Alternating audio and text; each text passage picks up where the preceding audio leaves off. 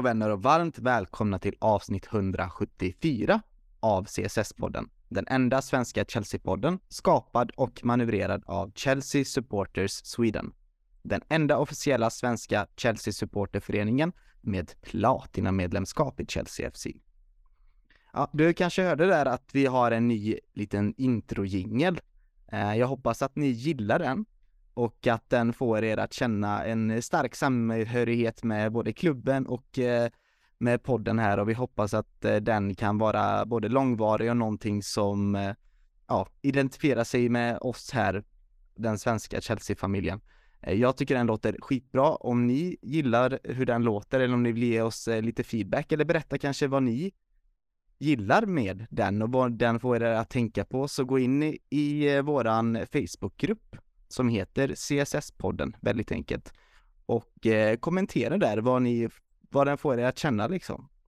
Och jag vill personligen tacka Johan Werneby, en både vän och kollega till mig som har hjälpt mig att skapa den. Eh, han producerar även annan musik, så gå in och följ honom på Soundcloud vet jag, så det förtjänar han, tycker jag. Eh, först och främst vill jag också eh, önska er ett gott nytt år till er alla. Eh, och hoppas ert eh, 2023 blir fantastiskt. Eh, 2022 har varit ett eh, roligt år för mig personligen då jag har blivit välkomnad av en av er, en jättestor fin blå familj som jag visste alltid fanns där men som jag äntligen vågade mig närma 2022. Jag tackar för all fin feedback, ert peppande och det trogna lyssnarföljet. Ja, 2022 var ju ett eh, Ja, det var ju ett eh, omtumlande år för vi alla. Vi försökte sammanfatta det, det här julavsnittet. Viktor, välkommen till podden. Hur mår du ikväll? Tack så du Patrik. Jag mår jättebra. Och ja, eh, nya gingen kanske eh, får en att tänka på svunna tider, någon så kallad eh, storhetstid som får se hur länge vi får vänta på, på nästa eh, epok av det slaget. Mm. Nej då. Eh, ja men eh, sagt, nu ska vi delvis eh, blicka framåt här också, så det, det känns bra. Det ska vi göra. Det är ett nytt år, ny era, ny ägare, ny ledning, allting, ny jingel. Det är eh, mycket nytt nu och hoppas att ni gillar det. Linus, välkommen till dig också till podden. Ja, men tack detsamma och det känns skönt att det är mycket nytt, men eh, samma trio sitter kvar i podden också så att eh, nå någonting måste ändå vara i samma ordning tycker jag, så det är skönt att vi, vi tre står kvar här och vi har flera duktiga andra poddare som nu 2023 blickar fram mot ett, ett roligt år och förhoppningsvis får vi sitta här och till sommaren kanske och prata om fina tider och titlar som vi har vunnit. Mm, ja, det är väldigt starkt av dig att du kunde ställa upp. Vi hade ju Fredrik Temme som skulle vara med ikväll, men han kunde tyvärr inte vara med eh, utav eh, privata hälsoproblem och därför kunde Linus ställa upp då. Det tackar vi för att du kunde göra Linus och vi önskar Fredrik Temmes eh, all god hälsa och att han ska krya på sig. Ehm, men 2022 som sagt, kan ni gissa mm, vilket det mest lyssnade avsnittet var? Jag kanske redan har spoilat det för er, men Linus, har du, kan du ha någon gissning på det mest lyssnade avsnittet? Kan det vara avsnitt 159 tro? ja, det var det. Och vad handlade det om? Kan ni, eh, kommer du ihåg det? Nej, nej, det kommer jag inte ihåg. Jag kommer ihåg vilket avsnitt det var. Ja, Viktor, har du någon eh, aning på vilket, vad det kan ha handlat om det avsnittet? Nej, och du, som sagt, du spoilar lite grann för oss som, som eh, deltar i podden med, med grafiken som du skickade. Eh, och jag försöker resonera här med gå tillbaka i nummerordning vad det eh, kan ha varit. Men det måste nästan ha varit före sommaren i samband med ägarbytet eller? Mm, så avsnitt 159 publicerades alltså den eh, 9 september. Och eh, avsnittet heter Ett oförväntat avsked och ett varmt välkomnande. Mm. Och det syftar alltså på, jajamän, och det var ju vi lyckades ju spela in på eh, podden både efter att vi hade fått den här chocknyheten då, det var ju då jag och Donny körde något sånt där super breaking news-inspelning eh, medan jag satt på jobbet eh, vid lunchtid någon gång där när vi fick reda på nyheten och sen spelade vi ju in dagen efter minns jag. Minns inte exakt vilka det var som var med men då var det, då hade ju Potter redan blivit klar då som ny tränare så det blev ju ja, två flugor i en smäll i det avsnittet och man kan ju förstå varför det är kanske det mest lyssnade avsnittet 2022. Ehm, vi har kommit upp i över 50 eh, reviews nu på Spotify också, det är jättekul och vi snittar 4,7 och det tackar vi jättemycket för att ni ger oss eh, bra feedback så fortsätt med det och vi ska väl nå 100 reviews på eh, Spotify detta året tycker jag. Vi kan väl ha det som målsättning så har du ännu inte hunnit lämna fem stjärnor eller hur många stjärnor du än tycker vi förtjänar så gör gärna det, för det uppskattas enormt mycket. Eh, 2022 var även året då vi tänkte köra en liten YouTube-satsning här på Chelsea Supporter Sweden. Och eh, ja, och jag drev ju i det samband med att jag drev podden och eh, jag kan ju bara erkänna att det blev lite för mycket då med både jobb och podd och YouTube på en och samma gång. Men det är absolut ingenting som vi vill avsluta eller som jag vill avsluta utan vi vill gärna fortsätta med det detta året. Så därför vill jag personligen då nå ut till eh, dig som lyssnar här. Känner du att du är, vill vara en del utav eh, föreningen på ett djupare sätt? Vill du vara en del utav redaktionen och kanske i synnerhet mer Youtube-delen då utav CSS så skriv gärna till mig eh, eller till Donny då, Daniel Joanno. Ni kan nå oss via den här Facebookgruppen som vi har då. Eh, där vi eh, behöver mest hjälp med då är att eh, redigera, skriva lite manus och göra lite research. Eh, känner ni att ni inte har kunskapen att redigera så är det ingen fara. Det känner jag mig jättetrygg med. Men det som tar mycket tid är att skriva manus och att göra research. Eh, sen att spela in självaste videon och så, det går relativt fort. Men känner ni att ni vill vara en del utav det och eh, hjälpa oss skapa mycket bra innehåll eh, så hör av er bara. Det är en bra start, eh, startskott i karriären kanske och det är alltid bra att ha med det i CV i framtiden. Eh, och ni kommer ha massa med kul med oss, det kan jag verkligen lova. Men ja, det var väldigt, ja, det var ju väldigt mycket 2022 där och framtid, men ja, vi, vi har ett stort avsnitt grabbar att prata om och, eller behandla ikväll.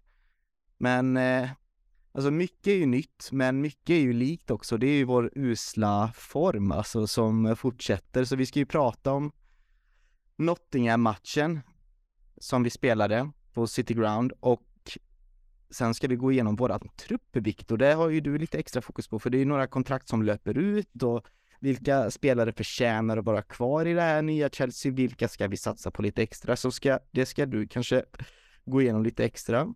Och så är det ju mitt uppe i ett transferfönster mina vänner och det är rykten överallt. Det kommer bli en ny sån här galet transferfönster tror jag, även fast det är ett vintertransferfönster. Men vi får se hur galet det blir. Vi ska i alla fall prata om de eh, spelarna som både är klara och nära på att bli klara och lite mer lösa rykten. Eh, och sen ska mm, Linus Sjöström då gå igenom City-matchen, för vi möter faktiskt Manchester City. Eh, sitter jag här och gör kors nu. Eh, ja, vi ska gå igenom den matchen och snacka upp den lite tycker jag. Eh, ja, det är ju en del att gå igenom så vi kör på, vi kör igång.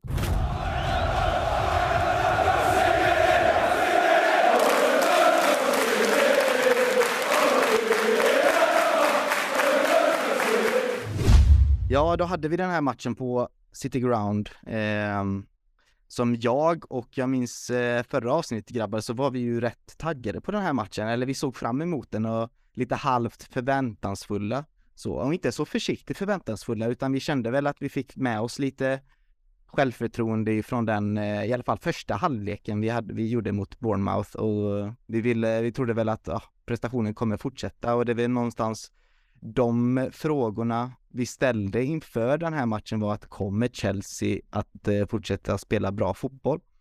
Och ja, de första 20 minuterna Linus, då, ja, men då såg det ut lite som eh, första halvleken mot Bournemouth, gjorde inte det? Jo, men det tyckte jag. Det, det fanns många saker som de gjorde bra och så tyckte jag det var kul att Störling fick näta igen, så han gjorde också en bra prestation mot Bournemouth. Men sen blir det det här eh, som vi har fått se under säsongen att vi slappnar av helt och Nottingham Forest med sin hemmapublik när City Ground kokar. Det fick vi verkligen bevittna och det skakade verkligen spelarna för sen eh, det jag framförallt tar med för matchen det är ju Gibbs eh, White skott som går ribba ut. Hade den suttit så hade det garanterat varit årets mål för det är en sån jädra bra träff han får. Uh, vi har lite tur i det läget och sen, ja, som Potter själv säger efter matchen, vi, vi var inte värda tre poäng så att äh, det, det är svag insats. Äh, det mentalt står inte spelarna där just nu, förutom Silva i mina ögon. Det är nog den enda spelaren jag ser som godkänd från denna matchen. Mm. Silva och kanske till och med Kepa Viktor va, även fast vi de senaste sju matcherna har vi bara en vinst alltså. Ja, det kan vi inte lasta våra målvakter för. Eh, men ja, nej, det är, vi har väl inte ett eh, skott ens i andra halvlek eh, mot Nottingham Forest, näst jumbo.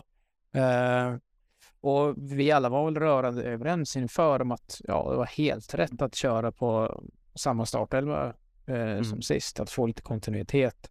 Eh, James då av förklarliga skäl eh, var den enda skillnaden och ersatta Aspelikueta. Mm. Och jag i förra poddavsnittet satt väl jag och utropade att vi skulle göra ett bättre resultat än mot Bournemouth, att du skulle bättra på den eh, segermarginalen till och med. Så att eh, om jag får ta på mig den, att det bara att det stannar med kryss då. Eh, ja, det är eh, högst oroväckande. Och ja, det är eh, sådana kontraster mot eh, två, i mitt tycke, jämbördiga lag i Bournemouth och Nottingham. Att vi inte kan matcha prestationen som vi hade på hemmaplan omgången dessförinnan. Mm. Sen eh, är det kanske dumt av oss att underskatta Forest på eh, när de spelar hemma kanske, men, men när vi har 73% bollinnehav, matchen slutar alltså 1-1 om ni inte eh, förstår det, men den slutar ju 1-1. Vi går i alla fall iväg med en poäng och det någonstans där känner jag att det ska vi kanske vara tacksamma över att vi inte förlorar matchen nästan till och med, men inte för att Nottingham Forest hade fler chanser i andra halvlek som fick mig att skrämma till, men vi sitter ju med 73% bollinnehav och får till alltså sju skott, varav bara två på mål, Linus. Och det här är ju också så här återkommande mönster, återigen, det var det här man trodde kanske skulle förbättras i och med att Potter skulle ta över det här laget. Och framförallt att fått ett helt VM-uppehåll på sig att jobba med, inte nyckelspelare, men ändå med en, eh, ja, halva truppen kanske i alla fall. Så eh, ser vi inga förbättringar alls där. Nej, och det är lite det som är oroväckande nu när man tyckte efter Bournemouth-matchen att fasen det här börjar se bra ut. Eh, trots en match givetvis kan man inte säga för mycket om, men eh, jag kände spontant på förhand att, att vi, vi kommer föra spelet, men att vi får ut så lite av bollen, det är ju ja, det är riktigt dåligt faktiskt. Eh, Sen tycker jag eh, en Sears kommer in lite spännande i andra halvlek där han får till ett jädrigt bra inlägg där vi inte riktigt är på tårna från start när bollen slås och jag menar det inlägget om vi hade haft en forward som har varit lite alert i läget så hade de kunnat lägga in den bollen ganska enkelt. Men eh, ja, nej, vi, vi har inte självförtroendet inne i boxen att göra de här jävla målen för det för jag menar Haaland har gjort mer mål än vad Chelsea har gjort totalt i Premier League så det, det, säger ju lite om vår kapacitet i, för, i sista tredjedelen och eh, jag menar då spelar det ingen roll. Då kommer vi släppa in mål. Gör vi inte fler mål än ett mot Nottingham i det här läget så eh, då vet man att de har en chans och de vet att det bara står 1-0 så att det, det hängde ju i luften väldigt länge att det blir nog ingen seger tyvärr. Mm. Jag ska vara ärlig och säga att eh, även om eh, Aubameyang hade fått eh, mer eh, huvud på den bollen och vi hade fått in 2-1 så känner jag fortfarande tror jag att jag hade varit lite orolig just för att prestationen ser så um, tafflig ut. Det, är inte, det finns ingen intensitet i vårt spel och det är, uh, ja, energin verkar försvinna ur laget väldigt fort och det är ingen riktigt som tar tag i taktpinnen, Viktor, i laget. Vad, vad är din teori på varför laget ser så, alltså emellanåt väldigt eh, oharmoniskt ut? Ja, det är en bra fråga. Eh, jag vet inte om jag har något eh, svar på rak arm faktiskt. Men eh, alltså, i första halvlek också när vi ändå eh, tar ledningen eh, och så, alltså Nottingham hade ju, visade ju inte på någon stress överhuvudtaget i det läget. De låg kvar i sina eh, utgångspositioner och skickade löpbollar på Johnson. Eh, och i och för sig så fick de ju nästan resultat med den eh, taktiken också. Men alltså, jag eh, hade ingen anledning att vara orolig där och då i, i paus med den matchbilden. Okej, okay, Chelsea har ja, bara ett målsmarginal mot ett bottenlag, men alltså att det fanns ju ingen anledning att stressa upp sig enkom därför.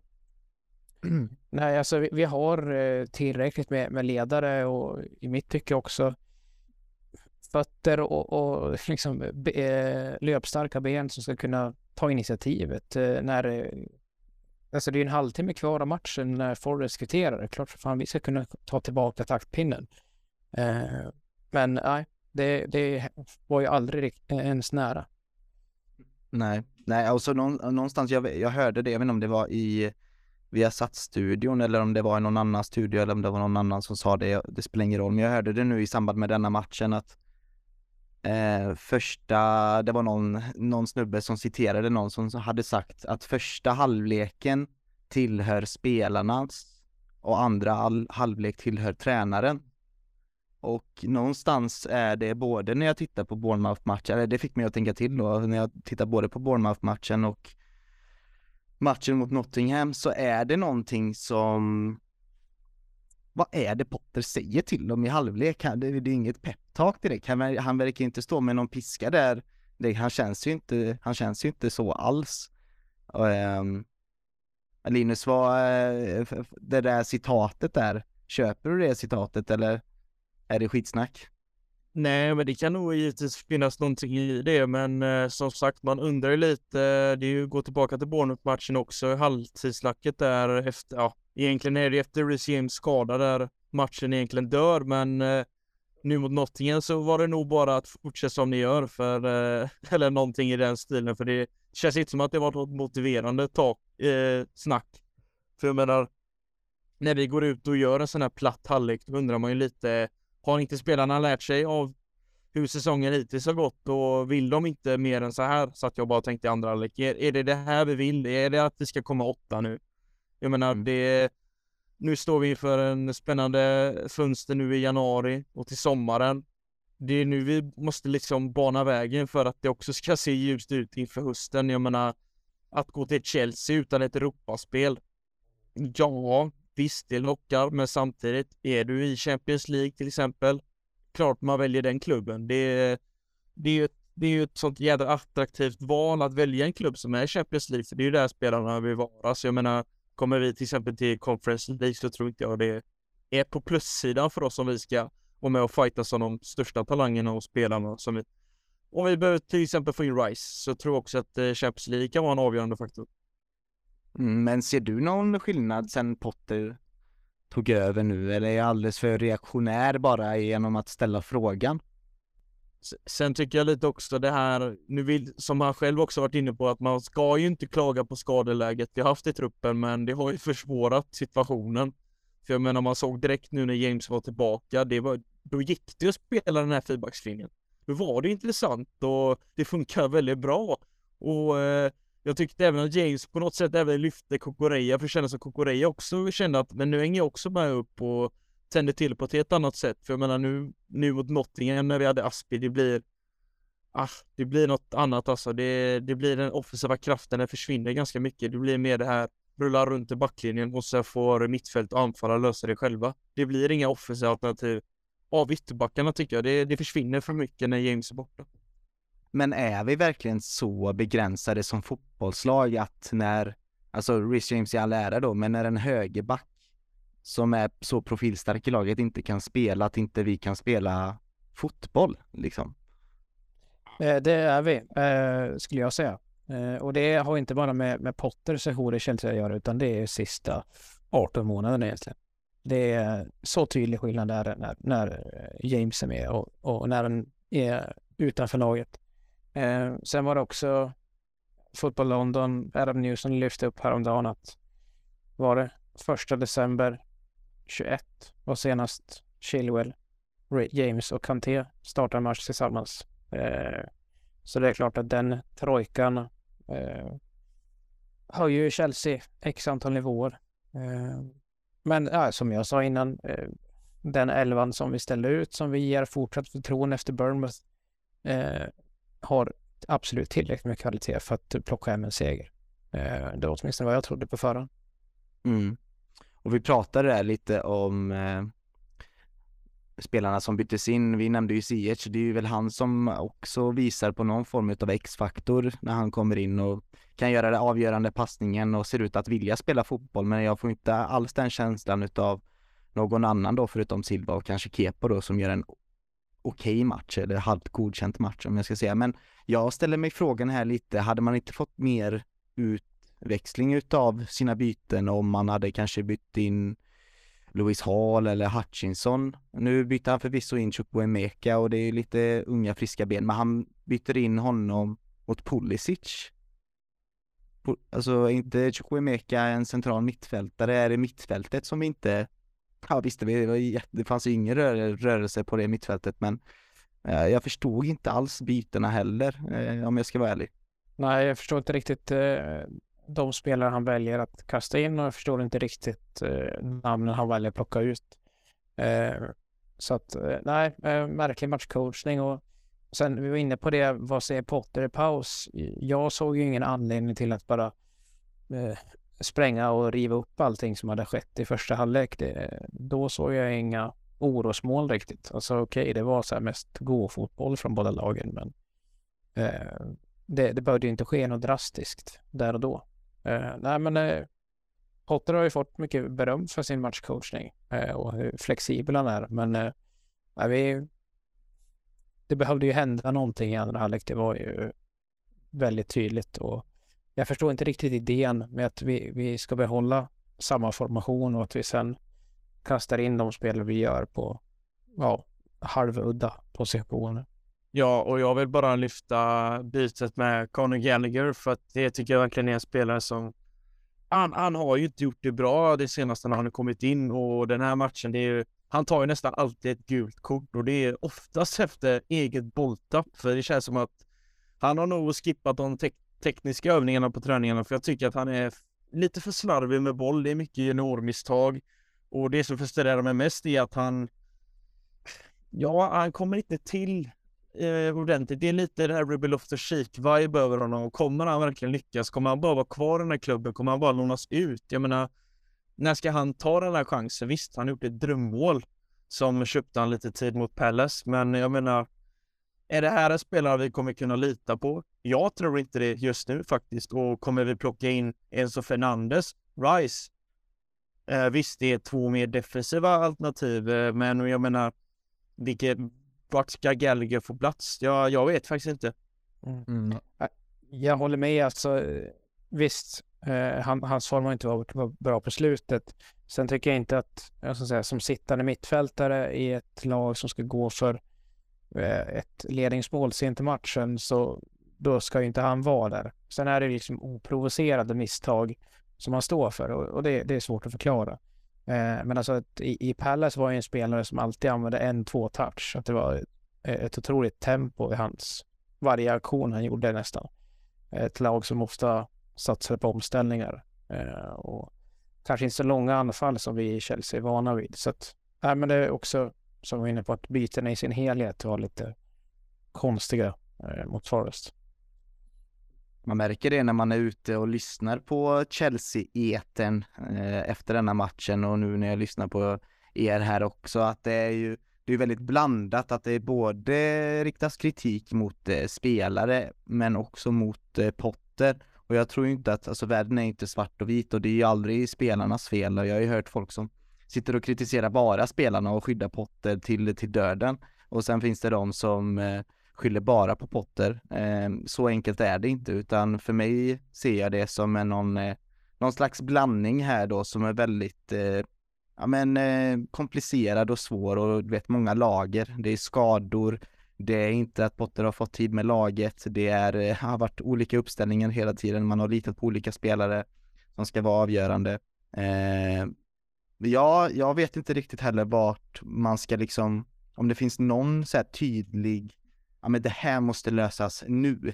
Eh, för mig är det liksom, hade jag fått leka Chelsea-gud så hade jag ju bara velat ändra mitt, det centrala mittfältet, men det, är det så lätt? Är det så lätt nu? Vi kommer prata om Enzo Fernandes eh, lite senare i podden om att han verkar vara väldigt, väldigt nära klubben. Men liksom hur vet vi att han kommer komma in och liksom förändra mentaliteten eh, i klubben eller i laget då framförallt. Eh, han kommer kanske också bara bli average och medelmåttig och ge sådana medelmåttiga prestationer. Eh, jag är lite rädd för det. Mm. Nej, men alltså att eh, lägga det ansvaret på en 22-åring som, ja förvisso VM-guldmedaljör, men har 25-30 matcher för Benfica. Eh, ja, det är ett väldigt tungt ansvar. Nej, men jag vill också bara, nej, men alltså såklart så fort det går emot Chelsea, det, det, spelar ingen roll om det är Potter eller någon annan som tränar så går det ju i spinn alltså. Det, det är ju reaktioner på forum, på Twitter och på allting eh, med att alla ska gå. Eh, och ja, vi har höga krav eh, och rimligen så. Men precis så som att Potter nog inte hade så stora anledningar i halvtidspaus på City Ground att bara spränga allting och, och göra ett eh, trippelbyte. Eh, så kan vi inte bara ta sådana här eh, Eh, resultat och prestationer i luften och säga att ja, vi ska in med en ny tränare. Eh, vi måste komma bort från det beteendet. Det, så är det bara. Det, nu måste vi kunna ge det här chansen. Eh, och jag vill, vill, bara att Potter faktiskt ska få en, en ärlig chans. Han kom in mitt under säsongen också. Och det är många års eh, vad ska jag säga, velande sportcheferi som har byggt den trupp vi har idag. Mm. Men får du den, jag vet ju att du är ett stort eh, Potter-fan Viktor och eh, du kan gärna ja, men hjälpa våra lyssnare att kanske sätta få lite förståelse kring vad det är. Eh, då jag vet att det finns många otåliga lyssnare där ute, så eh, hade det nog hjälpt med lite, eh, det är inte så, det är ju någonstans dina åsikter och det du känner, men jag kan väl vara leka lite djävulens advokat här då, så kan vi ju se vart vi, vart vi hamnar, men jag, jag får inte heller känslan av att han har den här, framförallt på presskonferenserna då, nu är det ju en, han har ju väldigt diametral annan approach till presskonferenser än vad Thomas Tuchel hade då. Eh, eller andra starka karaktärer som vi haft, Antonio Conte bland annat och Mourinho och sådär. Så du vet, den typen utav aura har han ju inte. Eh, har han den här storklubbsauran frågar jag mig själv.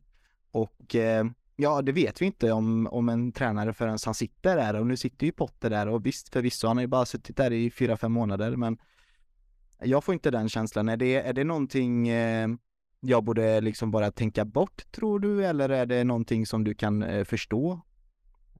Absolut kan jag förstå det och jag är ju lika frustrerad som någon annan när, när det ser ut som det gör. Eh, till exempel mot Nottingham och så som de gjorde innan VM-uppehållet. Så att det, det är inte en isolerad händelse heller.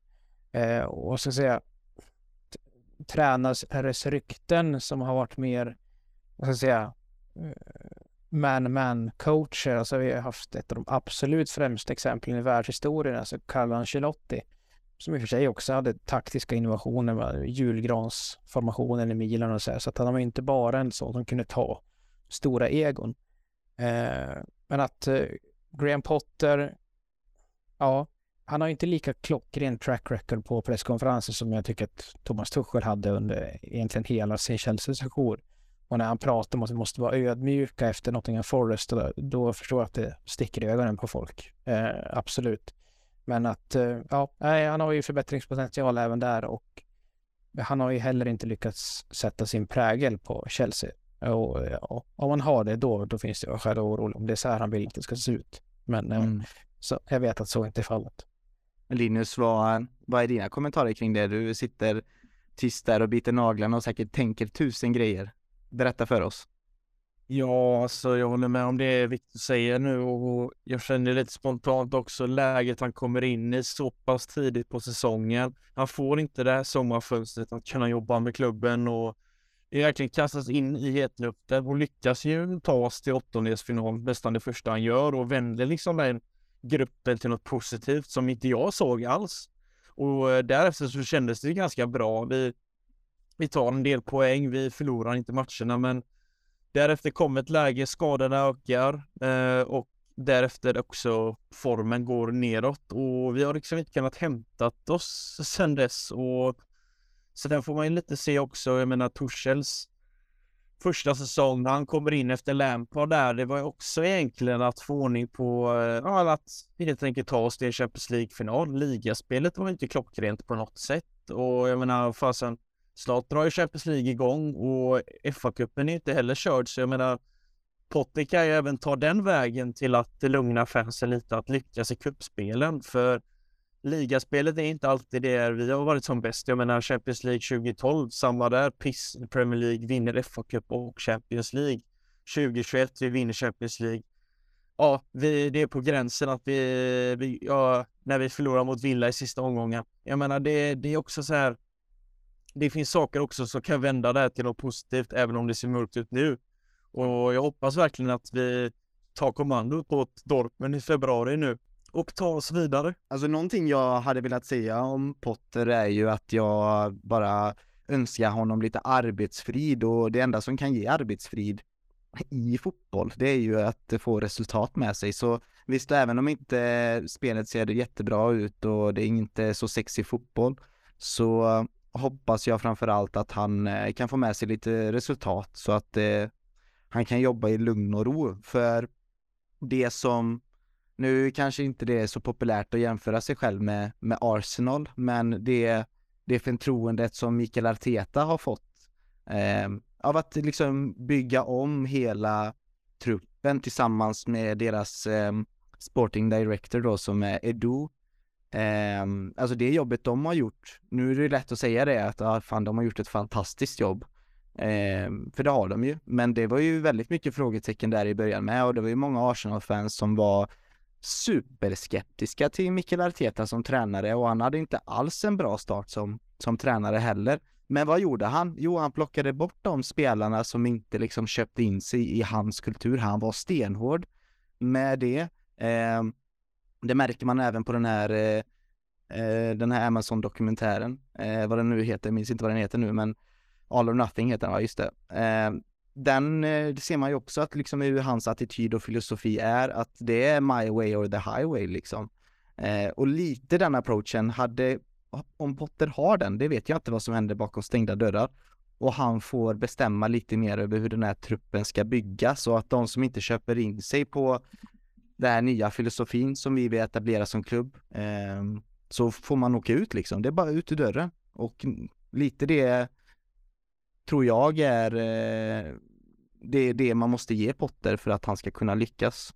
Och för att göra det så måste vi ju liksom gå igenom, alltså han måste gå igenom truppen och det tycker jag att vi, vi gör nu också faktiskt. Så kanske vi kan bestämma vilka som ska in och vilka som ska ut. Ja, Viktor, om man då försöker göra en Edo och Arteta, om vi väl och Potter hade fått göra något liknande och du vet, de hade haft två, tre år på sig att eh, men eh, vad ska man säga, fulfill the renovation, göra, det, göra klart allting, liksom uppnå profetian av att bygga ett nytt eh, fotbollslag. Eh, hur tror du det hade sett ut? Ja, men då är ju manegen krattad lite grann i och med för, förlängningarna här på Rhys James, Armand de Bruyne och Trösche Lobo som är uppknutna till 2028. Eh, till eh, Daniel Johannos stora glädje och även Mark Correa kontrakt till 2028. Eh, sen eh, finns det ett par eh, gubbar som eh, vars kontrakt går ut nu i sommar. Eh, där det är mer eller mindre angeläget att eh, knyta upp dem på nya avtal. The Athletic, Simon Johnson, Chelsea-korren där skrev att Chelsea är ganska nära en förlängning med N'Golo Kanté och han har tidigare då avböjt ett tvåårsavtal så det allt tyder på att han ska få Eh, ett kontrakt som är längre än så.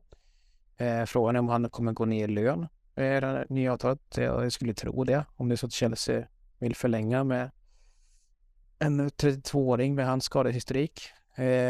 En del saker pekar på att Jorginhos kontrakt, som också löper ut, inte kommer förlängas.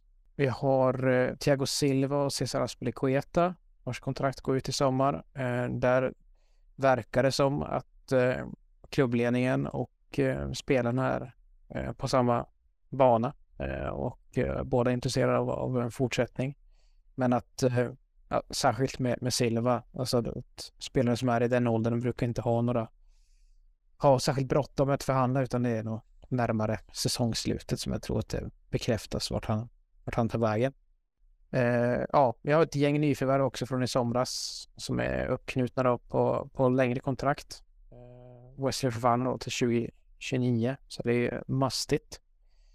Eh, jag vet inte om vi kan kalla Pierre-Emerick Aubameyang för dödkött redan eller att vi har dömt ut den värvningen helt. Men eh, han har ju kontrakt över 2024. Eh, och ja, det är väl spelare i, i den ålderskategorin åtminstone som eh, Vivell och company kanske eh, håller på att eh, sålla ut vet inte, är det några fler namn som ni är nyfikna på hur, hur det ser ut? Det, en stor snackis är klart Mason Mount. Där, där pågår förhandlingar. Eh, men eh, det är nog ett tag sedan parterna träffades och faktiskt eh, eh förhandlade eh, ansikte mot ansikte så att säga. Eh, det, det, är ju snack om att han ska ha eh, avböjt ett eh, ganska lukrativt avtal. Eh, att det inte var tillräckligt bra nog, det, det återstår att se. Men där är det ingen panik heller då, att eh, hans kontakt, nuvarande kontrakt sträcker sig till 2024. Okej. Okay. Eh, så även Christian Pulisic och Callum Hudson-Odoi bland annat. Ja, det är några spelare där, men om vi, om vi tänker på dem som vi känns som att vi alltså kommer lämna klubben i alla fall, för det, det känns nästan som det mest akuta här. Eh, att lösa.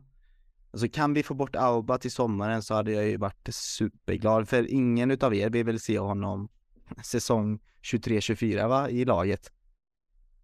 Nej, nej. Viktor? Nej, nej, precis. Jag hoppades på att du skulle, skulle få ett svar. Nej, men alltså att, att ha honom, så, ta upp en permanent bänkplats bara för att ha en forward och kasta in sista kvarten, nej, det, det kan vi lösa en annan gubbe till. Mm.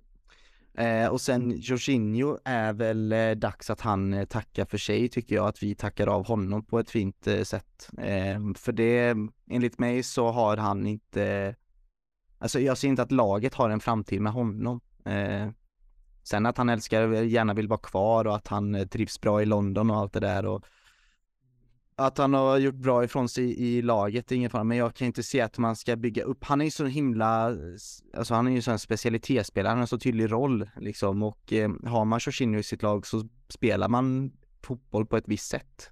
Eh, och det tror jag inte Potter vill alltså. Nej, alltså han har ju, kommer ju ha gjort fem år i klubben i sommar eh, och jag har sagt oavsett vilken tränare Chelsea haft så har ju han spelat. Så det, eh, det ska jag ha cred för. Men eh, jag, jag ser ingen anledning att, att förlänga hans avtal. Det gör jag inte. Vad, Linus, när du hör de här namnen och de här, eh, ja, det behöver inte vara de äldre, det kan vara vilka som helst. Är det några du känner direkt som är att, nej men de här, när jag, när jag tänker liksom, eh, jag tänker ju redan på truppen 23-24 till och med, om jag ska tänka framtid här nu då, för det är någonstans jag tror det är nog viktigt att prata om det för att kunna inskjuta något slags förtroende för den här satsningen vi gör, som många kanske känner sig lite tveksamma kring och sådär. Vad, ehm, är det några spelare där som du absolut inte ser ha en framtid i, i klubben mer? Nej, men just nu är det som vi har varit inne på, om det är Aubameyang, ett eh, tydligt namn på det. Trots att jag vill att han ska få lite upprättelse han har ju verkligen inte levererat. Jag tyckte att han kom in ganska intressant eh, från start, men eh, det är klart, alla är hungriga och vill visa sig från start, men eh, därefter har han ju bara blivit mindre speltid och eh, får ut ännu mindre av sitt spel för varje match han är med i, tycker jag. Det ser inte alls bra ut.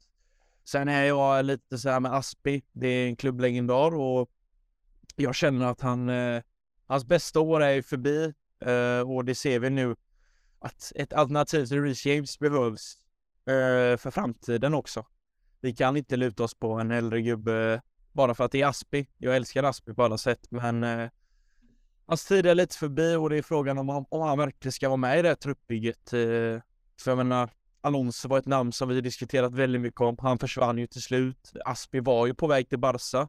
Det var ju mycket som tydde på det, men blev kvar ett år till. Så vi, vi får se, men sen tycker jag också att Jorginho är ju en spelare vi har diskuterat mycket om och det är också en spelare jag känner att eh, tack för dig och han har gjort det jävligt bra. Han har vunnit eh, Europa League, Champions League bland annat.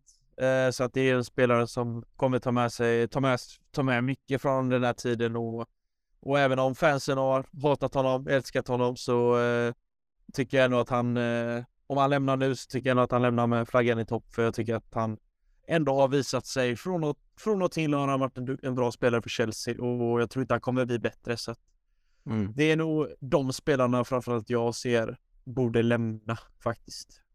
Apropå Jorginho där, kan jag verkligen rekommendera, det finns ju att Chelsea släppte ju en, vad ska säga, kort dokumentär om honom på deras YouTube-kanal som jag varmt kan rekommendera. Jättebra att följa hans resa från att han var en liten unge i Brasilien som sedan kom till Italien och eh, har haft en väldigt fin karriär eh, nu då. Så det kan man ju, om man vill eh, känna att man inte har så mycket kärlek till Jorginho så se den så kommer ni ha massa kärlek till Jorginho efter den eh, eh lilla minidokumentären. Men ja, det, det, som sagt, han är alldeles för specialitetsspelare för mina ögon för att kunna bygga ett eh, nytt lag kring. Men eh, vi säger så här nu då, för att om vi ska då börja spela in en ny trupp eller en ny elva eh, inför nästa säsong då. Jag vet att vi hade ingen riktigt bra försäsong i somras, men hur, hur hade ni velat göra? Hade ni velat liksom vaska denna säsongen nästan?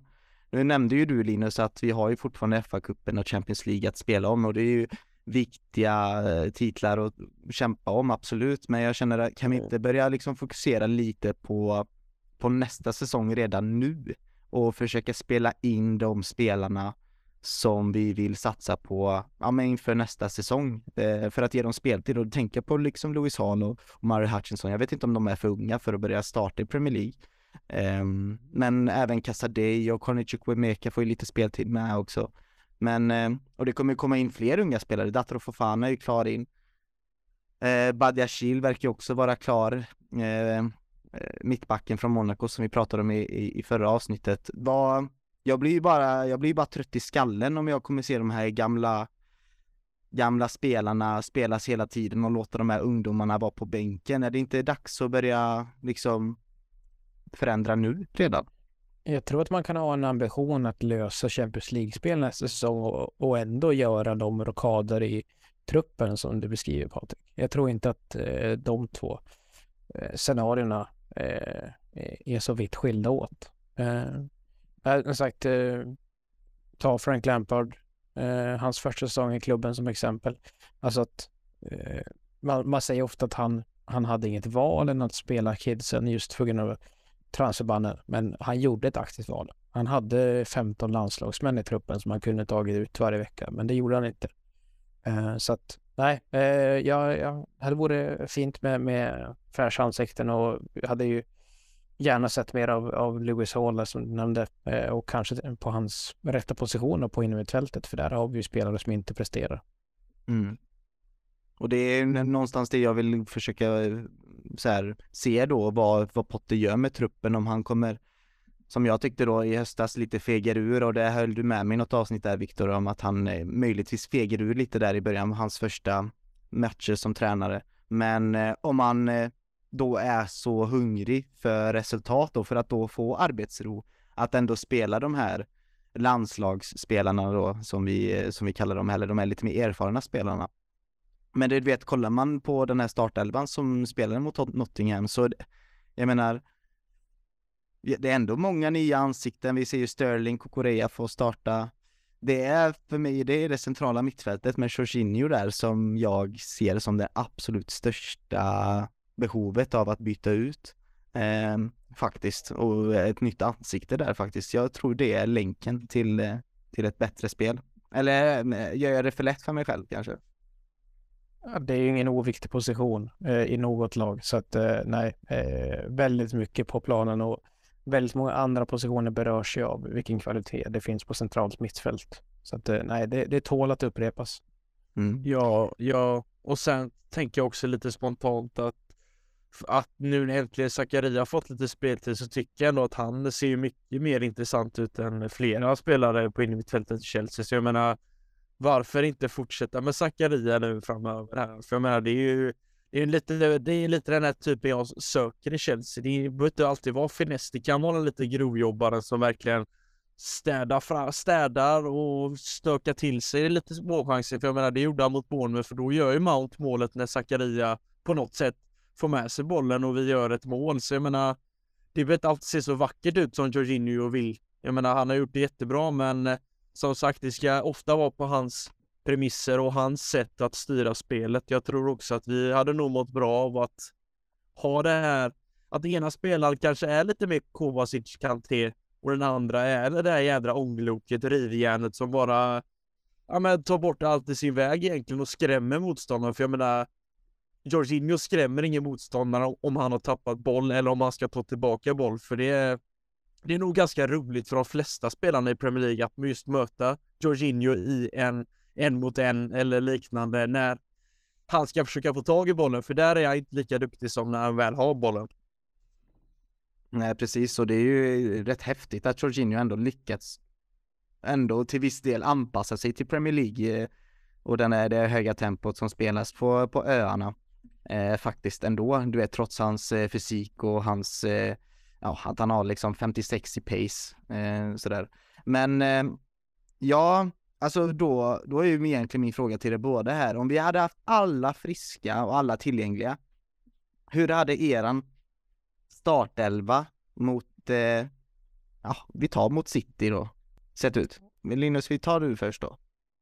Ja, ja just nu skulle jag ändå säga Kepa Eh, på något vis. Det, tack vare Mendy har visat sig för slags form denna säsongen så skulle jag ändå ta Kepa och sen ett 4-3-3. Vill jag egentligen spela med Chelsea så jag utgår från det och då är det ju Reece James, Fofana och eh, Silva såklart och Chilwell.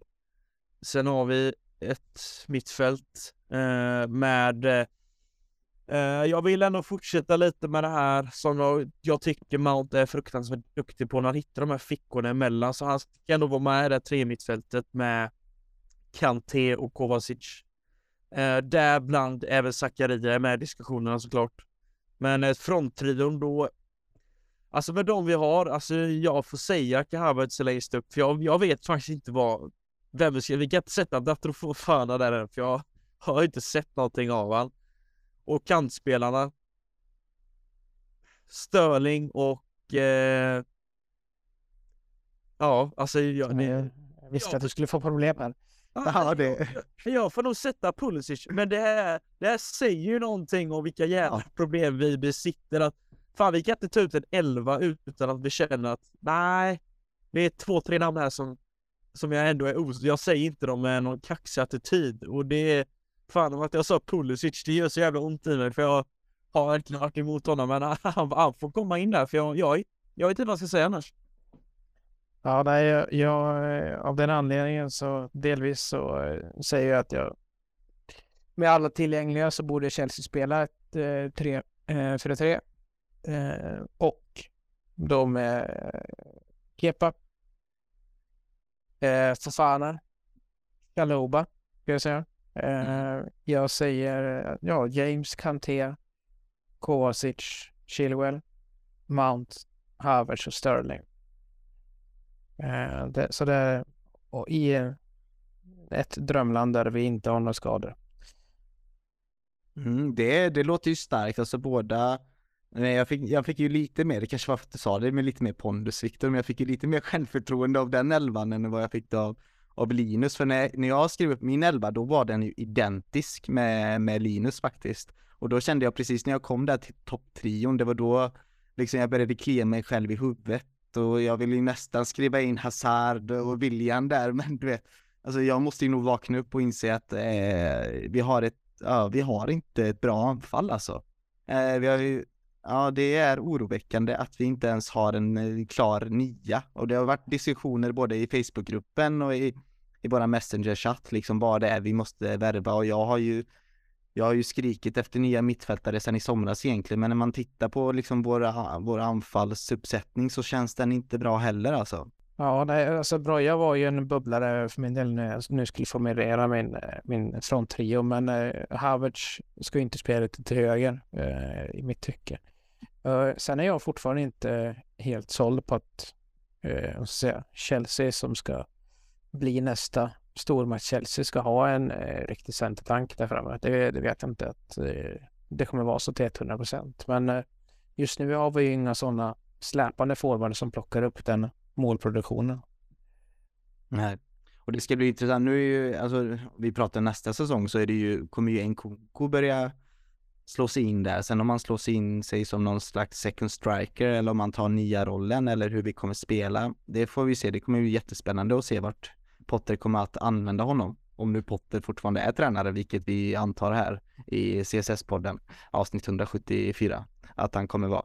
Men eh, ja, det ska bli kul att se hur han används i alla fall.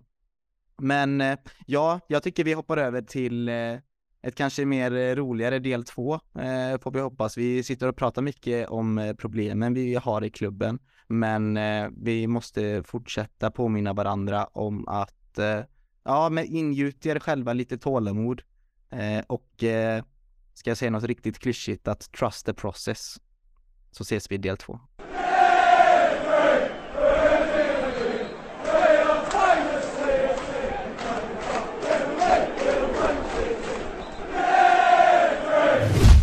Vi är inne i ett transferfönster återigen och eh, ni vet ju från eh, historiken i denna podden att vi, ja, men vi gillar att prata liksom silly season, vi gillar att prata rykten och eh, vi både hyllar eh, de ryktena och eh, sågar dem totalt och vi ska försöka erbjuda något liknande idag med. Eh, då det kommer finnas en del spelare att prata om. Vi kommer att fokusera på ah, de som ska in egentligen, de som ryktas in i klubben då det inte finns så jättemycket rykten ut än. Men det kanske dyker upp inför nästa avsnitt. Men vi kanske kan börja med den absolut största bomben då, eller det, vi får se om det blir en bomb eller inte. Vi pratade lite, eller vi hintade lite om det i förra avsnittet att Chelsea är intresserade utav eh, VM-guldmedaljören Enzo Fernandes då, 21-åringen som eh, spelar i Benfica. Eh, den unga mittfältaren är ju, eh, alltså han blev ju årets eh, unga spelare, eller VMs unga spelare egentligen.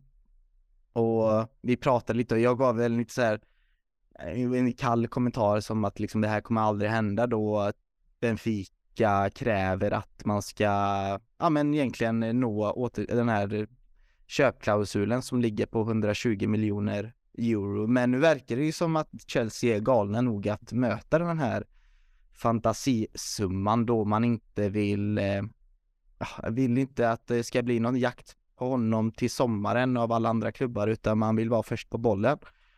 Och ja, man kan ju kalla det här högt spel eller inte, eller om det kanske är en av de bästa grejerna Chelsea kommer göra, men vi kan eh, ju ge en liten eh, bakgrundshistoria om vilken typ av spelare Enzo Fernandes är. Eh, jag tror det är viktigt att komma ihåg att det är inte alla som har tittat på alla VM-matcher och det är inte många som följer Benfica vecka ut och vecka in och det är nog inte många här i denna podden som kollar på River Plate förra säsongen heller. Um, utan vi gör vårt bästa av att ge någon slags sammanfattning av en spelare. Allting jag kommer säga nu om Enzo Fernandes är taget utav um, halvproffsiga, både halvproffsiga och proffsiga analyser som har gjorts utav spelaren uh, på internet. Och jag tänkte bara upplysa er om att om det är så att ni vill ha eh, källhandsvisningar till allting vi säger i podden och artiklarna eller tweetsen som vi nämner eller artiklarna som vi läser, så nämn gärna det, för då skulle jag kunna lägga ut faktiskt lite källanvisningar till er alla så att ni kan själva ta del av den informationen som vi eh, behandlar här i podden. Eh, vissa bryr sig, vissa bryr sig inte, men skriv gärna det i eh, Facebookgruppen så ska jag se till att eh, jag möter era behov. Eh, jag vet att det var någon i förra avsnittet i eh, gruppen som nämnde att de gärna ville lyssna på det här specialavsnittet som eh, London is Blue Podcast gjorde om David Datro Fofana. Och det, det kan ju uppskattas att man får eh, tolka den analysen själv. Men vi, vi ska göra vårt bästa av att förklara det som vi kan tolka då. Men Enzo Fernandes, då, vem är han och vad, vad är han för typ av spelare? Ja, han är en central mittfältare, han är väl en slags ball-playing mittfielder, lite Jorginho-hållet, men som är lite mer vertikal i sitt, eh, i sitt spel. Eh, men han har också förmågan av att eh, liksom spela ett eh, lugnt possession-spel. När han spelade för Argentina nu senaste VM så skapade han ju ett mittfält tillsammans med Rodrigo de Paul och eh, McAllister. Eh, och de gjorde ju ett fantastiskt jobb där på mittfältet alla tre och de Paul gjorde ju allt jobb som Messi inte orkade jobba så han var ju överallt på plan. Men Enzo Fernandes hade ju rollen som liksom en Metsala-roll, liksom han var inte riktigt box to box som De Paul, utan han var mer, ja men spindeln i nätet kan man säga.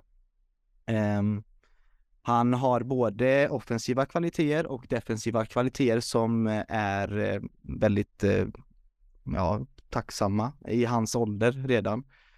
Hans största styrkor tror jag egentligen ligger i att han har väldigt bra långpassnings, en långpassningsförmåga, att han kan skjuta bra krossar liksom från både vänster och till höger och han har, han skapar målchanser oftast genom att eh, ge assists och sånt där. Han når, han når inte upp riktigt till samma statistik kanske som Thiago eller Bernardo Silva, men att vara den här, vad ska man säga, tredje assistgubben eh, är han, eh, det är nog hans största styrka.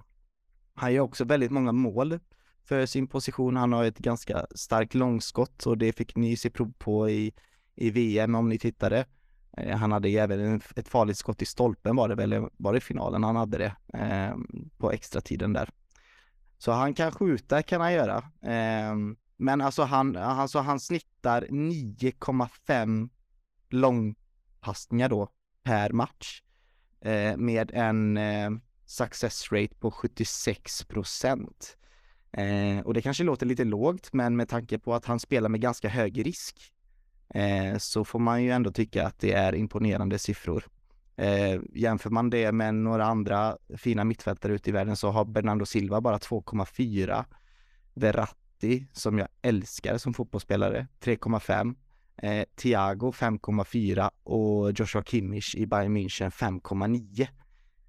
Så där sitter Enzo Fernandes med 9,5, alltså det är imponerande.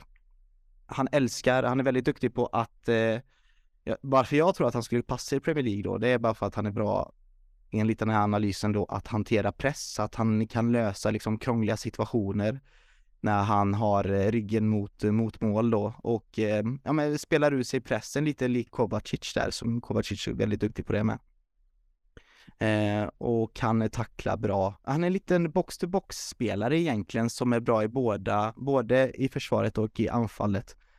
Eh, och det är ju verkligen en spelare vi behöver, eh, tycker jag då. Men eh, ja, nu vet jag inte hur mycket ni vet om Enzo Fernandes och hur mycket klipp ni har hunnit kolla på Youtube-grabbar här, men eh, Linus, vad får du för intryck av spelaren? Ja, det känns som att det är en ganska tuff spelare också. Jag har sett lite tacklingsvideos och han känns som att han är ganska pricksäker i det defensiva arbetet också och det känner jag också. Det, där har vi saknat lite både Kovacic och Jorginho har inte de här riktigt defensiva delarna i sig så som Enzo Fernandes har. Så att jag, där tycker jag det känns som ett eh, bra alternativ att plocka in. Samtidigt så har han gjort det bra i Benfica. Jag menar Benfica gjorde ett grymt Champions League-gruppspel och spelade verkligen riktigt rolig fotboll där han var en stor bidragande faktor till att laget tog sig vidare. Sen som sagt, vi var inne på det i eh, tidigare avsnitt. Eh, det är ingen spelare som hållit igång i tio år direkt. Han är 21 år eh, och har haft en kometkarriär och vunnit VM nu som 21-åring är väldigt imponerande. Och kommer han till Chelsea så hoppas jag bara att han får en bra start och och eh, givetvis får stöd eh, från fansen från direkt. För jag menar, det, det, är, ingen, det är ingen liten summa. Han kommer få eh, höra resten av sin Chelsea-karriär. Det beror, eh, spelar nog ingen roll om det går bra eller dåligt. Den summan kommer ständigt hänga med honom.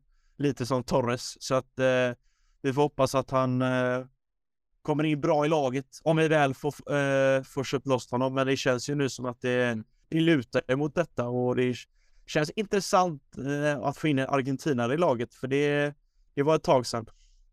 Det var det och eh, det är alltså någonting vi har saknat i vårt mittfält, det är ju ett, eh, alltså en mittfältare som kan göra mål. Det är väl, eh, det sista jag kommer ihåg är väl, är det ens Fabregas liksom? Jag, Jorginho räknar jag inte för det är bara straffar liksom, men det är tio mål han gjorde i 31 matcher för River Plate förra säsongen, ändå när han spelar ganska djupt ner på plan. Så han kommer ju in i den här farliga ytan oftast och ja, men lite lik Lampard där. Det är ju väldigt lätt att använda den eh, kopplingen just för att vi alla förstår vad vi, vad vi menar när vi säger så. Men att komma in där i farliga ytor är han ju väldigt duktig på. Det är väl de målen jag har sett han göra det. Så är det antingen långskott liksom, eller så är det att han smyger sig bakom någon back och du vet, han är ju ändå längre än vad man tror också.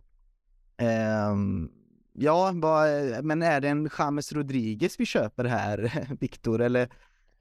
Ja, jag vill höja ett varningens finger i alla fall. Eh, som sagt, det Alltså Chelsea att det är värt att betala 120 miljoner euro så eh, har ju de säkert, eller ja, de, de har bättre koll än, än eh, mig och alla som lyssnar på det här. Men eh, det är en väldigt lite, väldigt lite att gå på än så länge. Vi kan väl ta den jämförelsen. Vad,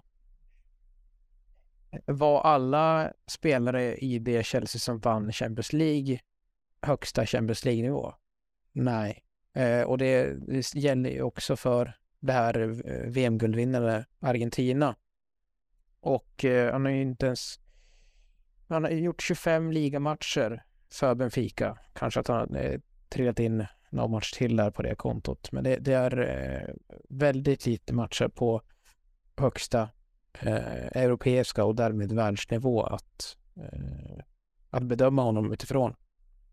Men eh, så jag, jag gillar också att vi kan få in en, en, eh, spelare som klarar eh, duellspelet. Eh, för det, den aggressiviteten och ja, kompetensen verkar han ju ha.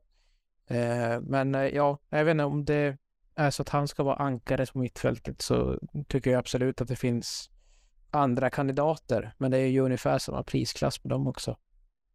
Du tänker Declan Rice eller? Eh, ja, visst. Ja, och jag får lite SCN-vibes också, just den här kraftfullheten, för jag tycker att han är rejäl i duellspelet. Det var SCN och de här långskotten, det hade ju definitivt SCN i sig. Därefter, däremot så känns det lite som att Elsie är lite mer kreativa än vad SCN var, men de har lite likheter också tycker jag i just sättet de eh, för matcher med boll så tycker jag att eh, lite liknande nummer fem har faktiskt Enzo. Mm, alltså eh, om ni inte har hunnit titta på någon så här Welcome to Chelsea-video än på Enzo Fernandes på Youtube så gör gärna det. Även fast det är liksom ett axplock av eh, ja, det absolut bästa utav Enzo Fernandes så får man ändå en tydlig bild på vad han är duktig på. Men vilken spelare kan, som helst i världen kan väl se duktig ut på Youtube tror jag. Även jag med mina träfötter kan nog göra en snygg eh, Youtube compilation. Men eh, ja, han ser ut faktiskt att vara kanske inte precis det vi behöver, men i alla fall en del utav eh, det vi behöver och en eh, honom och Rice på mittfältet om man nu får drömma eh, känns ju, det vattnas ju verkligen i munnen dock, Viktor. Ja, det är. vi hade väckt en hel del reaktioner om det så att vi hade gått för båda eh, och inte mig emot. Så att eh, nej, det, alla andra får tycka vad de vill. Så här, om Chelsea köper upp hela världen, alla 2006 så ja, var fint. Mm. Återuppliva Ballack också kanske och ta in han på mittfältet med. Ja, där var det något. Alltså när vi pratar Ballack och SCN då pirrar det till hos mig alltså. Ja, det är fint. Ja, men han är ju också bra, som sagt, bra passningsfot där. 84, han snittar 84 passningar per, per match också. Sen beror det på också vilket typ av lag man spelar i. Hade han spelat i Atletico Madrid hade det ju sett lite annorlunda ut, men eh, Ja, men eh, det, det, det, ska bli kul att se. Nu verkar det ju som att han också har lite, inte disciplinära problem, men han verkar ju verkligen, verkligen, verkligen vara sugen på att komma till Chelsea då han har mer eller mindre skitit att gå på två träningar på Benfica och har blivit eh, lite, fått lite straff för det nu, och betalat lite böter och sådär. Men han gör det ju verkligen tydligt, Linus, av att han vill eh, komma till eh, Chelsea och till Premier League. Ja, men det gör han ju och eh, sen att missa träningar på det sättet kanske är lite fel att göra. Men eh, samtidigt så jag klagar inte. Eh, men det är just den här prislappen som man som ständigt kommer hänga med lite att det, det är fruktansvärt mycket pengar för en mittfältare. Men eh, ja, tiderna är som de är och eh, summorna blir inte mindre. Vi kollar på Nunez i Liverpool. Han, det är ju det enda han får höra, hur mycket han är värd och hur dåligt eh, det går för honom. Så jag menar, det är lite mer tacksammare i, i, i det läget Enzo befinner sig att vara eh, lite längre ner på planen och kanske lyckas göra det här grovjobbet som vi har saknat. Så kanske det räcker för att dämpa den där snacket om prislappen lite i alla fall. Men eh, det kommer ju hänga med definitivt. Men vi ger han ändå ett, en tummen upp eller? Att eh, komma till klubben? Ja. Och Viktor, du, du känner likadant eller? Ja, oaktat vad jag känner så blir det ju två mot en så att eh, ja, men CSS-poddens, CSS-poddens utlåtande är tummen upp. Ja, det, det är bra. Vi får se vad som händer. Vi, det ser ut i alla fall som att dealen kommer att gå igenom och det kanske är så att när ni sitter och lyssnar på denna podden att det redan är klart. Eh, men då, då pratar vi om det kanske nästa podd då. Men en annan mittfältare som eh, också har läkarundersökning nu med, alltså just nu medan vi spelar in är ju brasilianaren Andrei Santos som har tillhört Vasco da Gama ett eh, bra tag. Han är ju en ung mittfältare där också och där var det lite svårare att hitta eh, bra information om honom förutom om det andra har sagt. Han är ju bara 18 år, eh, André Santos. Men eh, Jorginho har ju förklarat honom som att han är ett monster och att han kommer lyckas i, att han kommer bli bättre än honom och sånt där. Ja, vad är han för typ av spelare där då? Den informationen jag fått till mig är att han är en stor, liksom kraftig spelare som är liksom, han är en klassisk box-till-box-spelare egentligen. Eh, spelar egentligen mest som en nummer åtta i Vasco da Gama. Han är också väldigt målfarlig. Eh, men det är väl egentligen hans fysiska styrka eh, som är hans eh, ja, starkaste kvali kvaliteter och att han har speeden då och kvaliteten att eh, både göra avgörande passningar och sånt där. Men eh, han, eh, till skillnad från andra box-till-box-spelare som är den här klassiska, du vet, eh, eh, 2-1-spelaren, kombinationsspelaren som eh, du vet passar, springer och tar emot så är han mer utav den här eh, kanske också Kovacic-spelaren då som gillar att driva bollen framåt då från defensiv eh, planhalva till offensiv planhalva då. Eh, det är hans, eh, också en annan styrka han har. Men när man sitter och pratar om det här så låter han ju hur bra som helst. Man får komma ihåg att han är 18 år bara. Ehm, och ja, ja, man kan ju lugnt säga att han är oprövad. Och, men du vet när det kommer till sådana här spelare så känner jag att, men fan, man vet ju inte hur kommer han liksom akklimatisera sig snabbt in i laget? Är det ens tanken att han ska vara med i A-truppen? Vad är tanken? Det är lite Datro Fofana frågetecken jag har kring André Santos, men att han är en stor talang som jag vet också att Barcelona har tittat på honom i, i somras med, så det, det är inget snack om att han är en stor talang. Nej, alltså det är ingen spelare som går in i Chelseas eh, A-trupp. Det är inte, om han nu blir klar. Eh, det kan jag omöjligen tänka mig. Eh, något Chelsea, Chelsea Youth, ungdomsguren på Twitter och andra plattformar lyfter fram här att han har ju bara spelat i brasilianska Serie B. Han har inte spelat med, med Vasco sedan de gick upp till, till Serie A. Eh, nej, alltså det här är ett försök från, från sportsliga ledningen att göra lite Real Madrid. Alltså de värvade ju Vinicius och Rodrigo när de var väldigt unga. Att liksom ligga steget före. Men vi har ju innermittfältare i Chukwuemeka och Casadei och flera som är eh, absolut eh, ligger, eh, jag skulle säga längre fram i utvecklingen egentligen. Eh, så att jag har inte sett en, en eh, sekund av André Santos spela, men Nej, jag, jag tror de ligger närmare eh, minuter för, för Potters A-lag. Mm. Ja, det finns inte så jättemycket mer att säga om André Santos förutom, eh, förutom det egentligen att det kommer nog dröja några år innan vi får se det bästa utav honom. Men det är, jag är glad att eh, klubben reagerar eh, tidigt eh, ändå Linus. Ja, men det håller jag med dig om och uh, hittar vi den nya Vinicius så uh, blir inte man ledsen över det direkt. Men det var länge sedan man var saknar de här brassarna jag menar, Oscar är en sån favorit och William och sen hade jag min personliga älskling, det var ju Alex, mittbacken, som sköt som en jädra gud. Eh, de frisparksmålen han gjorde, de kommer man inte glömma. Speciellt Arsenal hemma på Stafford Bridge, det är ett mål jag inte kommer glömma. Men eh, på tal om det, jag vill bara sticka in med en annan nyhet. Det är Romano gick ut med för 20 minuter sedan ungefär att affären gällande Enzo kan handla om 24 till 48 timmar nu för eh, tydligen ska nu ha Enzo pratat med sin tränare och sagt att han vill gå till Chelsea så att eh, nu sitter vi verkligen i ett läge där vi kanske vi har inom några dagar eller inom någon dag en ny innermittfältare. Så att eh, ja, det blir spännande detta tror jag. Det blir det och han kommer ju gå rakt in i elvan. Jag kan inte tänka mig något annat. Nej, det känns givet faktiskt eh, lite också hur dagsformen ser ut så kommer en VM-vinnare ut med stort självförtroende och eh, få får skriva på för Chelsea. Jag tror att han eh, kommer nog vilja visa från start att han ska vara kvar i den här elvan. Mm. Jag brukar faktiskt eh, annars ha svårt för sydamerikaner som blonderar sitt hår, men nu får jag lära mig att älska detta. Eh, helt enkelt. Det blir så. Det jag är eh, svårflörtad.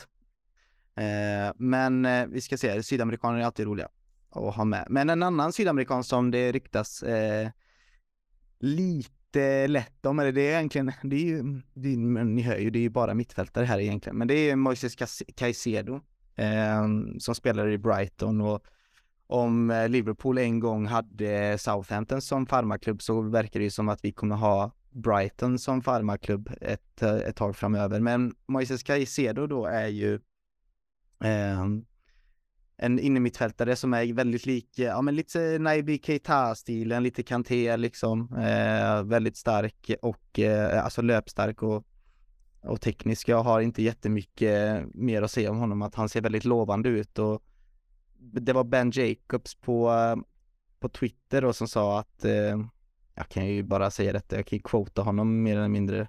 Eh, Chelsea will be active in January midfield is a key priority both in terms of bringing in reinfor reinfor reinforcements and renewing N'Golo Kante's contract.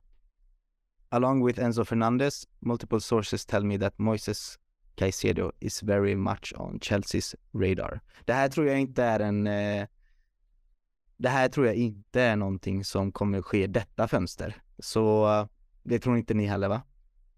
Men man gör nog klokt i att eh, låta honom spela säsongen ut. Okej, okay, att hans värde riskerar att gå upp, men där har vi också så här, eh, ja, 15 matcher i Premier League på CVt. Eh, det, det, är inte så mycket att redovisa än.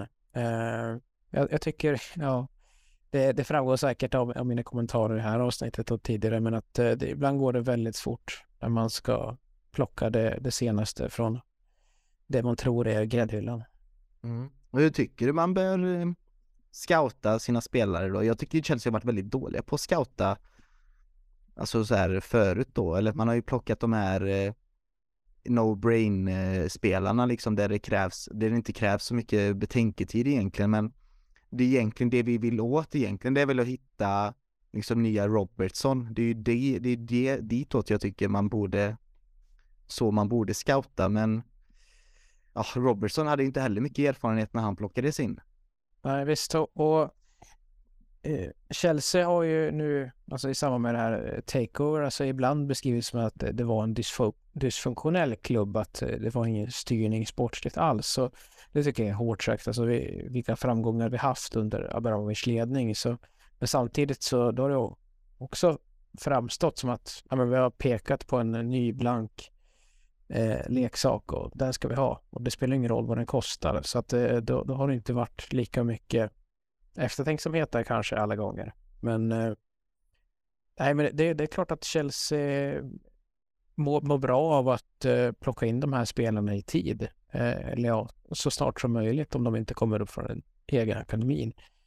Det, det är också någonting som eh, många av de här eh, direktörerna som kommer in och allt möjligt att det, de har ju kunnat värva sådana här spelare på löpande band på ett annat sätt för de har haft sin multiklubbmodell att falla tillbaka på. Att vi placerar spelare i olika eh, ligor egentligen där, som passar deras nuvarande nivå. Eh, och ja, det är också del i det här eh, värvningsstrategin och liksom den rykteskarusell som vi är inne i nu. Ja, och jag, jag tänkte bara lite som vi var inne på nyss där Patrik nämnde att eh, med så här fönster där Chelsea verkligen har försökt att fånga yngre spelare, då kom jag snabbt på en säsong där jag bara googlade upp nyss där 2012, 13 när vi ändå fick in, alltså den listan är ganska intressant. Det är Hazard, det är Oscar, det är Victor Moses, där han kommer ganska helt från Wiggen. Vi har det eh, ganska het Dembaba från Newcastle, vi har Marco Marin från Werder Bremen eh, bland många. Torgan Hazard också. Jag kommer ihåg den säsongen så väl för att det var många yngre spelare som som vanligt inte lyckas i Chelsea. Och det är detta lite läget vi står i idag. Hur, hur många kan vi värva in och hur mycket chanser kommer de få? Datro Fofana, eh, Santos. Är det, är det sån här, är det en Lucas Persson-värvning att de bara försvinner i vimlet mm. av alla andra spelare? För det, det finns ju stor risk och jag menar, det finns ju många eh, värvningar där som också gick åt fel håll, men vi har några få som lyckades. Bland annat tyckte jag Mo Victor Moses fick sin upprättelse under Conte, men jag menar De Bruyne slängde vi också iväg den säsongen. Det var utlåningen till Werder Bremen och sen vet vi var han försvann och Lukaku var också inne i den bubblan där så att eh, ja, det blir intressant att se hur vi kan bevara dessa spelare som vi även plockar in, de här yngre förmågorna. Jag tycker du lyfter, det är jättebra, du lyfter upp det här med att jämföra dem med Lukas Piasson. Jag tyckte det var lite roligt just för att någonting jag tror som kanske är skillnaden nu då jämfört med den tiden är väl kanske förväntningarna på resultat. Ehm, det är väl i alla fall den viben jag får. Eh, jag får inte den här att vi ska, vi ska vinna Premier League, vi ska vinna Champions League. Man har bara eh, sagt att man ska vara kompetitiv, absolut, det är det man säger. Och, men det verkar vara ett annat, eh, vi, vi är inte på samma plats i hierarkin i England som vi var på den tiden. Eh, kanske. Och det är inte den viben jag får av den här nya ledningen utan jag, jag får ju mer det här tålmodiga, att vi ska bygga nerifrån upp liksom istället från uppifrån ner får jag. För eh, ja, men sen kryddar de ju på ändå med en liksom Enzo Fernandes och spränger liksom sin egna transfer. Liksom det är rekordsumma. Så om detta nu går igenom. Så ja, jag vet inte riktigt. Det kanske är samma gamla Chelsea ändå, där de här fina unga talangerna försvinner. Eh, det är ändå häftigt att se Real Madrid lyckas med det där och du vet, och jag tror också att Endrik eh, kommer lyckas bra, men jag har ju tagit upp han Chouameni flera gånger innan och nu, han hade ett fantastiskt VM återigen. Eh, det är häftigt att de lyckas med det, men att det är någonting inte vi lyckas med så tydligt. Så det hoppas jag att vi kan jobba på mer eh, framöver och hur vi ska göra det, det är ju skönt att inte det är våran huvudverk, utan att det är eh, ledningens huvudverk hur man ska lösa det. Någon annan spelare som eh, Chelsea vill eh, ha är ju, eh, ja, det här kom ju upp idag egentligen, eller igår lite, tyckte jag var lite konstigt, men han Mudrik från eh, Shakhtar Donetsk som har ju haft en underbar höst i, i Shakhtar. Eh, han har gjort eh, fina framträdanden i Champions League då framförallt. Och det är Arsenal som har ju varit, han har ju liksom varit kopplad till Arsenal hela hösten egentligen. Eh, och det har blivit ännu mer heta rykten kring eh, honom och Arsenal ju, ju närmare vi har kommit detta vintertransferfönster. Men nu verkar det som att eh, enligt eh, Jack Rosser då på The Sun, det är ju The Sun så vi får ju se vad vi tycker om det, men Chelsea överväger ett bud då på cirka 60 miljoner eh, med 20 miljoner pund i tillägg då och planerar att ha möten med Shakhtar den här veckan. Eh, tankar kring detta, vad, vad, tror ni? Tror ni inte att Mudrik Arsenal, eh, att det är klart där snart och att Chelsea kanske bara försöker sno, sno honom där eller tror ni ens att det finns någon, någon sanning i detta riktigt överhuvudtaget, eh, Viktor? Ja, det är svårt att värdera de uppgifterna men eh, man är ju inte eh, oäven till att eh, slå Arsen på fingrarna. Eh, så att eh, ja, jag vet inte. Och, eh, kan lägga hur många miljoner som helst på det här så länge det gör Arsenal frustrerande. Det är så här, vi har ju råd. Ja, du låter nästan lite uppgiven ut där. Alltså jag vet inte vad det är Viktor, men det är som att ja, vi har, vi kan köpa alla, fan det spelar ingen roll. Det kommer Nej. inte gå bra ändå. Eller vad är det jag, vad är det jag känner av här? Det är, det är svårt att förhålla sig till. Jag vill bara behålla alla spelare som eh, gör den enorma bedriften och lösa en poäng borta mot Nottingham. De ska spela hela tiden. Okej, okay. Linus, det är Mudrik eller roligare än Pulisic kanske? Ja, och sen är det alltid kaxigt med killar med halstatueringar. Det vet man att det är, det är stökiga killar och han här är, han här verkar stökig alltså. Det är, han, när man kollar Instagram, det är sån här, I give a fuck när han lägger ut en story. Det är, jag tror det är en sån kille som eh, hade varit ganska rolig att ha i sitt lag. Han känns som att han, han ger allt eller inget. Det, för när man såg han, speciellt i Champions League, där bland annat drömmål mot Celtic om jag inte minns fel, där han eh, sprintar ifrån och bara dunkar upp den i krysset och sen gör en ja, någon målgest där som jag tyckte var lite halvrolig. Men jag menar, det, det är en spelare som eh, jag tror alla lag hade mått bra av att ha för att han har snabbhet och skott och ganska rejäl liksom. Så jag tror det det är inte bara Arsenal som vill ha honom, men jag tror tyvärr att det är nog den klubben just nu som lockar mest för hans karriär. Så att, mm. Eh, men som Victor säger, det hade ju varit roligt att slå Arsenal på fingrarna ännu en gång. Men eh, ja, ja vi får se. Mm. Våran trupp börjar kännas som det när man pratar om de här spelarna. Vi ser att vi leker med tanken att alla spelare skulle komma in, vilket är väldigt osannolikt. Men om vi skulle göra det så väldigt tjock trupp helt plötsligt och då är det ju, måste vi nästan skifta vårt fokus att bara prata om, om spelare som ska försvinna för Ja, det är ju, vi, vi kollade på våran anfallsuppsättning innan och ingen var ju speciellt nöjd kring den men ändå så har det lagts otroligt ofantligt mycket miljoner pund på på anfallsvapen som inte är tillräckligt vässade när de väl ställer sig på plan. Men eh, nej, det är eh, också ett enigma för ledningen och framförallt då kanske Potter att lösa hur vi ska göra våra mål. Och sen om det är Mudrik eller inte som är lösningen, det låter jag vara osagt. Utan jag tror lite som eh, Viktor där med kanske lite mer positiv bemärkelse att de spelarna som finns kvar där, jag tror det finns större fotbollsspelare i, i dem och det fick vi se prov på bland annat från Pulisic i VM och Hakim Ziyech i Marocko och deras prestationer där och Kai Havertz hade ju ett, egentligen ett fantastiskt VM i sitt Tyskland och var kanske den bästa tyska spelaren eh, för eh, sitt Tyskland i VM. Så det finns ju bra fotbollsspelare hemma hos oss också och eh, att köpa våra problem har inte alltid funkat, det vet vi. Eh, så jag tycker att vi hoppar ifrån de här den här regnbågstransfercirkusen till att börja prata om hur vi inte ska försöka förlora mot Manchester City istället. Ja, då ska vi möta ett, Eh, alltså det är inget formstarkt Manchester City vi ska möta på torsdag, men det är ändå ett eh, jäkligt starkt eh, Manchester City och precis som du var inne på Linus så är det ju med en Erling Haaland som har gjort fler mål än vad vi har gjort totalt i Premier League denna säsongen, vilket är anmärkningsvärt om något.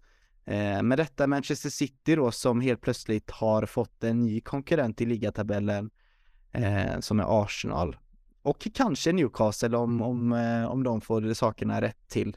Eh, men eh, ja, vad har vi Manchester City denna säsongen? De har ju fått in en ny en ny stjärnspelare vid namn Erling Haaland och han käkar ju upp hela England och hela fotbollsvärlden varje gång han ställer sig på en fotbollsplan kändes, känns det som. Ja, och det, det är ett lag som jag ändå tycker mår relativt bra och jag menar de ligger tvåa i ligan. De har gått vidare i Carabao Cup, slått ut Chelsea och Liverpool. Så att eh, de siktar nog på att vara med om alla titlar. FA-cupen möter de ju oss. Eh, det ska bli spännande att se hur vi även där på Etihad, där är inte våran favoritarena direkt. Eh, se hur vi kan ta hand, ta hand om oss dem på söndag om jag inte minns fel i FA-cupen. Mm. Eh, men eh, överlag så har ju City gjort en, eh, men en ganska bra säsong. Det är egentligen Arsenal som gjort det jävligt bra som leder serien för eh, de ligger ju tvåa och eh, de har haft lite, åkt på några plumpar i år där de inte ska tappa poäng. Senast var ju mot Everton där de eh, tappat 1-1 där eh, Andrew Gray, eller Andrew Gray, eh, jag har tappat eh, förnamnet på honom. Demaray. Ja, Demaray Gray. Ja. Eh, gör ett drömmål till 1-1 och därefter så tycker jag inte att de är värda så mycket mer ändå för att Everton gör en taktiskt bra genomförd-match och får med sig ett poäng. Eh, men eh, överlag så har ju City chans att knipa ännu en ligatitel, för jag menar, det är tajt i toppen, men eh, skulle vi störa dem på torsdag, vilket jag hoppas att vi kan göra, så hade nog det gjort lite ont i Pep Guardiola och men det är ju just att stoppa Håland. Det är ju fokus nummer ett och vem ska göra det? Är det Silva? Eh, för jag menar, det är en speed som Håland har där nog inte Silva riktigt kan matcha. Så det är frågan om eh, vem som ska ta upp duellen med honom, för det blir avgörande också för att Hittar De Bruyne in passningarna till Håland så har vi ju, kommer vi få det tufft. Det spelar ingen roll vilket lag City möter. Eh, de två har hittat ett bra samspel. Lite det här Spelikueta, Morata, halva säsongen när Morata var ny. Eh, nej, men det känns som att City är ett bra lag och eh, de har ju alltid varit duktiga på att ersätta de här spelarna med nya spelare. Jag tänker framförallt på Fernandinho. Han, han kom in, var ett självklart val och därefter nu Rodri kommer in, kan spela mittback och mm, centermitten. Jag menar, det, det är alltid genomtänkt och alltid nyförvärv som har tagits in på rätt sätt. Jag menar, de saknar inte Störling. De saknar inte Gabriel Jesus på det sättet, för de ersätter med smarta spelare. Alvarez vinner VM med eh, Argentina, gör ett jädrigt bra VM tycker jag personligen. En spelare som man inte hade haft så mycket bra koll på inför säsongen. Och nu kommer han tillbaka till City med ett bra självförtroende. Så, och även Ake tycker jag har fått upprättelse i, mitt, eh, i mittlåset. Och jag menar, de har många alternativ. John Stones, Ruben Diaz och Ederson vet vi vad vi får ut i målet. Sen är det ju bara frågan om, om Chelsea är redo för att möta City i detta läget. Eller så är det kanske det bästa sättet att ta oss an City, att vi är stukade, men på Stamford Bridge kan ju saker hända, det vet vi. Och skulle vi ta tre poäng här så skulle det hjälpa oss otroligt mycket om få upp självförtroendet och även chanserna och hoppet för att nå Europaspel. Så jag tror att det här kan bli en spännande drabbning eh, mot City. Det tror jag med. Jag skulle inte vilja räkna ut oss helt heller, precis som du är inne på. Så det är ju lite, alltså nu kan man ju spelarna visa på jävlar anamma liksom och ha lite revanschlysta efter eh, den här kritiken som både kommit från supportrar och media och så vidare.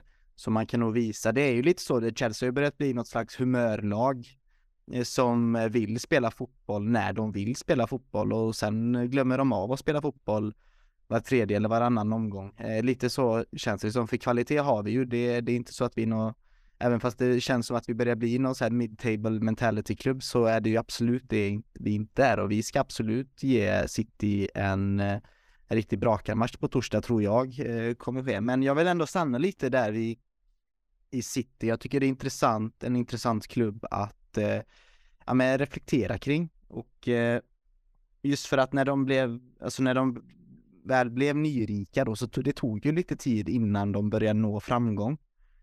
Och nu då så liksom det känns som att de ja, men prenumererar nästan på Premier League-titeln och att de är, eh, nu har de förvisso inte vunnit Champions League än, men det vet vi ju att inte det är något tecken på att du är bäst i Europa av någon, alltså av något slag utan det är mycket tur där och ja, man ska ha med sig resultaten helt enkelt. Men när det kommer till Premier League så dålig form visar sig väldigt tydligt och eh, där någonting alltså consistency, alltså att man är så himla bra över så lång tid. Um, vad tror ni är liksom den hemliga ingrediensen i detta bygget då? Det, det känns ju lätt att säga att det är Pep Guardiola. Att man har haft det här förtroendet för eh, honom så länge och det är ju klart att man har, han är ju kanske världens bästa tränare då.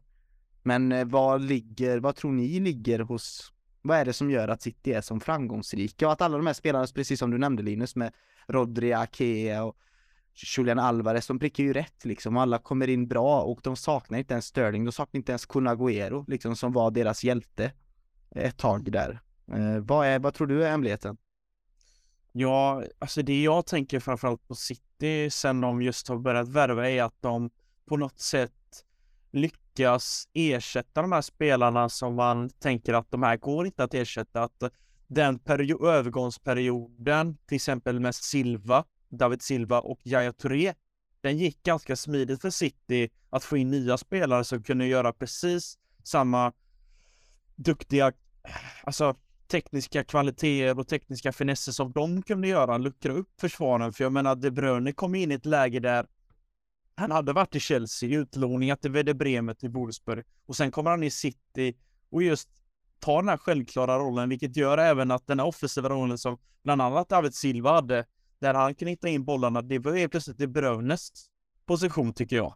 Och det är lite det med just med Fernandinho och Jaya Touré. Jag menar Fernandinho blir det här ankaret och Jaya Touré var ju lite mer, kanske med offensiva lag, men du vet, de ersatte spelarna på lång sikt och därefter har de bara egentligen gjort truppen starkare för varje säsong. För jag menar, backar du bandet till när de precis vann FA-cupen 2011 om jag inte minns fel, så är liksom det är Michael Richards, det är Lescott, alltså det är gamla spelare som vi är i, som vi idag kanske inte riktigt ser som så sexa inom fotbollsvärlden. Men jag menar, de lyckades de ersätta på ett bra sätt och sen behålla den här högsta nivån. Det tycker jag är jävligt imponerande och just pricka rätt på så mycket värvningar. Visst, de har gjort många tabbar också. Jag tänker på Nigredo, Nolito, Demikelis, mittbackslåset. Alltså de har ju också gjort eh, tabbar, men jag tycker inte de har varit på det sättet som Chelsea har gjort. Att man sitter där, ah, vi saknar en innermittfältare. Ja, men i City gör man inte på samma sätt, för de har ersatt på sikt och bara prickat rätt. Det, det är någonting de har gjort jädrigt bra. Sen egentligen pengarna har börjat pumpa in ordentligt. För eh, ja, nej, jag, jag ser eh, en imponerande tid som framförallt Pep Guardiola har haft i City.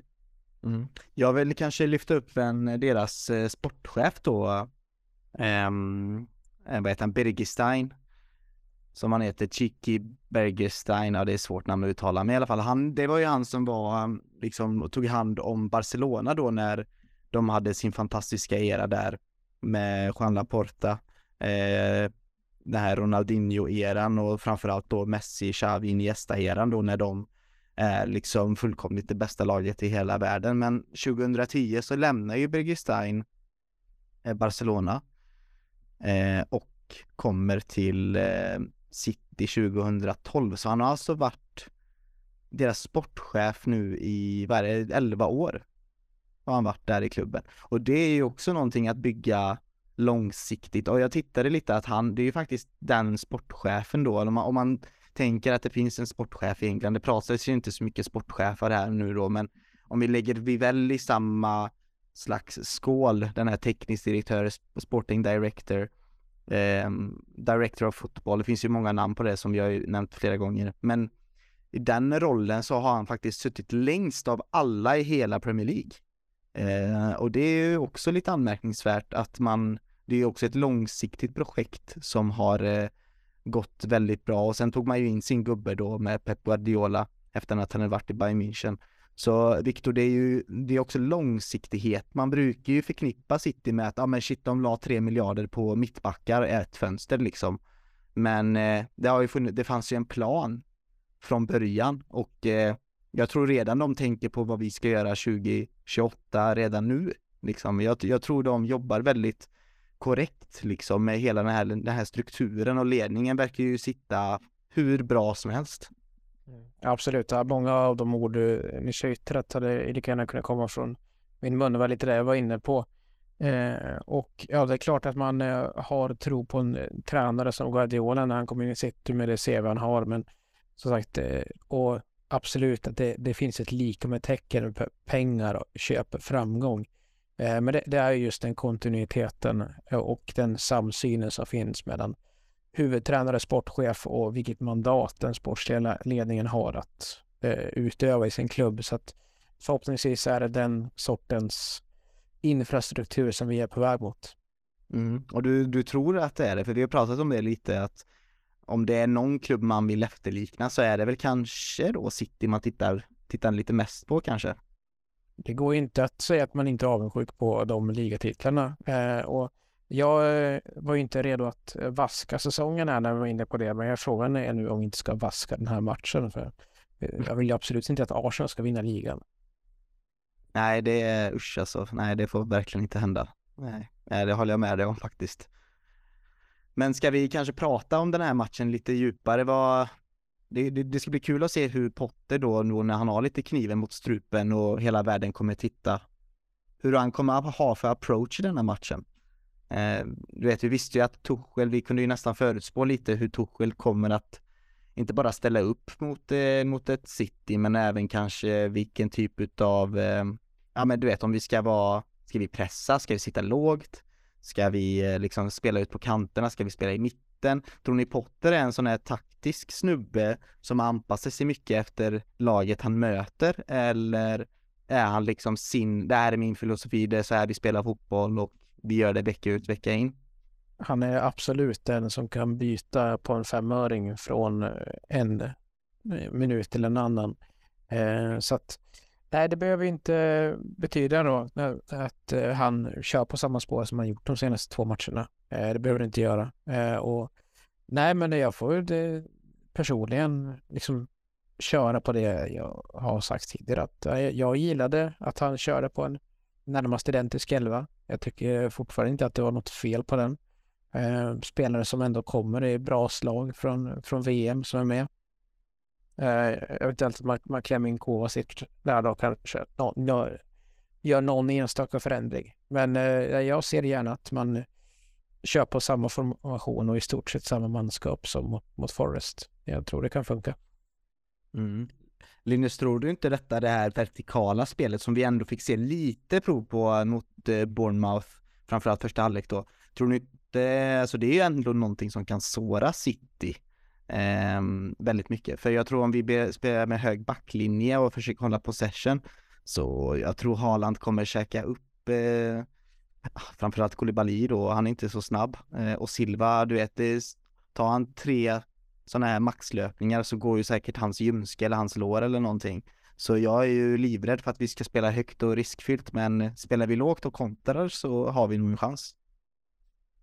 Jag tror också att det är lite avgörande vilka vi ställer upp på mittfältet. Återigen, jag vill ju se Zakaria och Kovacic från start för med Jorginho så tror jag att eh, återigen i försvarsspelet så kommer vi få det svårt för när City ställer om då måste vi vara med från start för annars blir det tufft och Håland kan ju springa sönder vilket försvar som helst så det gäller bara att plocka upp honom så snabbt som möjligt i matchen för eh, får City ett tidigt mål så tror jag tyvärr att det kan eh, kan bli riktigt jädra tufft att hämta upp eh, ett underläge resultat mot City för det, det, det är alltid tufft men eh, Förhoppningsvis så kanske vi får en bra start och hitta in ett tidigt mål så ska bli intressant i så fall hur Potter agerar efter det. En ledning mot City i ett tidigt läge.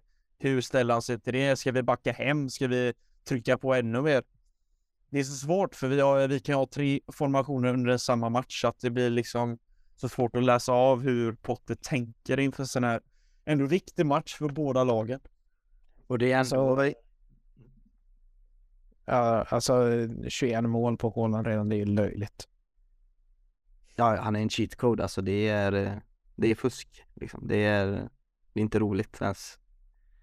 Eh, är det inte. Och alltså det är också intressant i den här aspekten att vi ska, vi ska ha ett dubbelmöte med dem som du var inne på Linus. Så du möter dem nu på torsdag i Premier League och så FA-cupen på söndag. Hur kommer det spela in? Liksom, vill man visa hela sin hand nu på torsdag? Eh, eller kanske sparar man något S i rockärmen tills på tills på söndag. Jag tror inte riktigt det kommer vara något sånt. Eh, Torshäll kanske hade gjort något sånt där eller Mourinho kanske hade gjort något sånt där. Men jag tror inte Potter eh, är den typen av tränare. Men jag sitter och tänker på att det om vi skulle sitta och, liksom, om man är objektiv då, om man inte har någon bias överhuvudtaget och eh, liksom inte skiter fullständigt i vem det är som vinner. Om man är liksom en objektiv professionell bettare, då bettar man ju på att Chelsea förlorar båda matcherna. Det gör man ju. Är den här, eller gör man det? Det tror jag ja. att man gör. Ja. ja, det, ja, och då tänker jag, vi säger att vi förlorar de här matcherna. Och så sitter det och vaknar vi upp där på måndag. Kommer inte vi ha samma jobbiga känsla i magen då, precis som vi hade innan VM-uppehållet? Att fan, vi behöver ett till uppehåll nu. Vi behöver en försäsong nu liksom. Jag är så rädd för eh, vad, liksom hur media, hur supporterna lätt, vi vet ju hur Chelsea-fans är, vi vet ju hur vi själva funkar också. Eh, du vet, vi riktade lite eh, kritik mot Potter i denna podden. Hur kommer det låta nästa vecka? Kommer det fortfarande var liksom, ja men vi tror på Potter och allting. Det är mycket svar som, eh, som kommer komma fram nu de här två matcherna, eh, tror jag.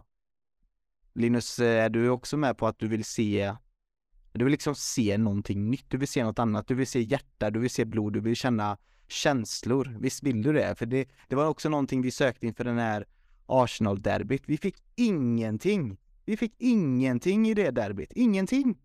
Jag var så jävla förbannad och jag blir förbannad när jag bara tänker på det. Jag är så rädd att det kommer hända nu igen på torsdag. Eller på söndag. Jag skiter i det, spelar ingen roll. Men någon av de här matcherna kommer det säkert ske, tror jag. Ja, och lite det här läget man saknar Rudiger, det här himla eh, bara adrenalinet bara pumpar och det är konstiga tacklingar, det bara smäller, han rensar bort bollarna. Det, det, är lite det som har saknats i år. Det har inte varit någon spelare riktigt som haft någon introduktion på att visa så mycket känslor egentligen. Det enda matchen jag tänker tillbaka på där det var mycket känslor och passion, det var ju mot Tottenham. Det var en sån match som jag kände att eh, fan det här, det här är det laget jag vill kolla på, för då var det lite rock'n'roll. Det Tuchel var igång och det var, det var adrenalin både på läktaren och på planen. Men eh, det, det känns inte riktigt som att jag att det finns någon som spelar i truppen riktigt som eh, har det som Rudiger bland annat hade. att just få igång hela publiken och även irritera motståndarna. Det, jag vet inte, men eh, det behövs verkligen på torsdag. Jag, jag hoppas verkligen att vi kan göra det jobbigt för City och straffa dem lite för eh, de behöver också komma ner lite på jorden känner man för att de vet också att de har haft det ganska lätt mot oss den senaste tiden och jag tänker framförallt senast på Liga Cup-matchen. Det kändes nästan på förhand att fan, jag känner det att vi kommer förlora den här. Mm. Uh, och det fan det är lite den känslan man går in till torsdagen också. Vi sitter här och givetvis ska tro på vårt lag, men uh, det är City vi möter och det är så jädra svårt att se att vi ska ta tre enkla poäng. Det kommer inte finnas på världskartan. Nej, det är bara så stor skillnad på jämfört med förra året då vi liksom eller var det för förra året? Då när vi mötte City tre gånger på under en kort period mm, och vi liksom Ja, och då vi slog dem och liksom slog dem i Champions League-finalen, då var det som att eh, City blev nästan en mumsbit och att det var Guardiola som var rädd för oss liksom. Nu är det ju, ja det har gått väldigt fort detta Viktor och jag blir, jag, jag är bara rädd för att den här inställningen, jag behöver inte se liksom röda kort och tacklingar och det där, det är inte det där 90-tals Premier League jag vill se, även fast det är väldigt eh, charmigt det med, utan jag vill bara se att man vill visa att man liksom vill spela bra fotboll, att man vill eh, göra sina fans glada, att man vill eh, att man bryr sig helt enkelt. Är du med? Är du, det, Absolut, och jag, jag kan tillägga att jag, jag är inte egentligen beredd att vaska den här matchen. Inte för något eh, i världen egentligen. Eh, så att, nej, men eh, absolut, vi behöver få, få besked. Eh, och sagt, eh, allra minst så behöver vi se lite kampvilja. Eh, för det, det visar vi inte på uppe i Nottingham här senast heller. Så att förlorade varenda första och andra boll det kändes det som. Eh, så att nej, det, vi behöver få någonting som får oss att, att tro på, på fortsättningen här. Mm. Eh, det måste inte mynna ut i en seger, men att eh, något slags besked. Så är det och jag tycker det är eh, det är hälsosamt att visa ilska. Det är eh, okej okay att göra det. Det är en mänsklig känsla och alla har rätt att vara arga, precis som att vara glada eller ledsna. Så var arga om ni är det. Ni får gärna skrika Potter out och allt det där och ni får visa hur mycket ilska som helst. Bättre det än att eh, bli apatiska och sluta känna för denna klubben, för det är det värsta som skulle kunna hända. Så vi får se om vi får några känslor eh, återknutna eller återuppfödda på torsdag eller på söndag. Det ska bli eh, kul att eh, följa detta och spännande och se vad, vad vårt lag kan ge oss fans. För det är ändå det det handlar om detta. Det är ju vi fans som, eh, som är fotboll, tycker jag då i alla fall. Och eh, det är egentligen bara med de orden jag vill tacka för att ni har lyssnat igenom detta, ja men lite tråkiga avsnitt, eller det var tråkig inställning från oss. Det har varit mycket negativt och sådär. Vi har pratat om Enzo Fernandes kanske det största utropstecknet och att eh, ja, att eh, vi ska fortfarande tro på detta, detta laget och sådär. Men det, vi, ni hör ju, vi bråkar också med samma känslor som ni gör. Vi är inga robotar, vi är också människor. Och vi försöker ändå leverera bra innehåll även fast det, det är eh, svårt att eh, kanske ge positiva känslor när man själv känner sig lite, lite nere och lite sur på sitt lag. Men då får ni höra den versionen av den podden och det är bara att tåla. Eh, och eh, ja, gillar ni att eh, göra, alltså att lyssna på när vi bjuder på oss själva så ge oss gärna fem stjärnor då i eh, Spotify eller Apple Podcast så vi kan komma upp i de här fina hundra recensionerna. Det hade varit jättekul. Låt oss ha det som mål 2023. Ja, ett annat sätt att eh, bidra är ju självklart att eh, hjälpa till oss här och jag sa ju det i början av avsnittet att vi eh, kommer behöva lite hjälp och lite stöd för att skapa mycket bra innehåll på Youtube också framöver. Och är du som sagt sugen så tveka inte. Det, det räcker ibland att du kanske skriver ett litet manus eller gör lite research om en spelare eller om en match så hade det hjälpt oss enormt mycket för då kommer det ut innehåll till er där också. Och gå även in på vår svenska fans, självklart. Det ska ni alltid vara inne och göra. Eh, på svenskafans.com England Chelsea där du kan ta del av matchrapporter, analyser och krönikor. Um, och så skriver jag ju självklart lite betyg om spelarna efter matcherna, men det har jag glömt att nämna, men det är ju rätt roligt att läsa de betygen ibland, speciellt när vi har spelat dåligt, då, är det, då tas motorsågen fram. Ehm, och det är även kul att läsa dem när eh, vi spelar bra. Så eh, gott nytt år på er en gång till och hoppas ni får ett fantastiskt 2023.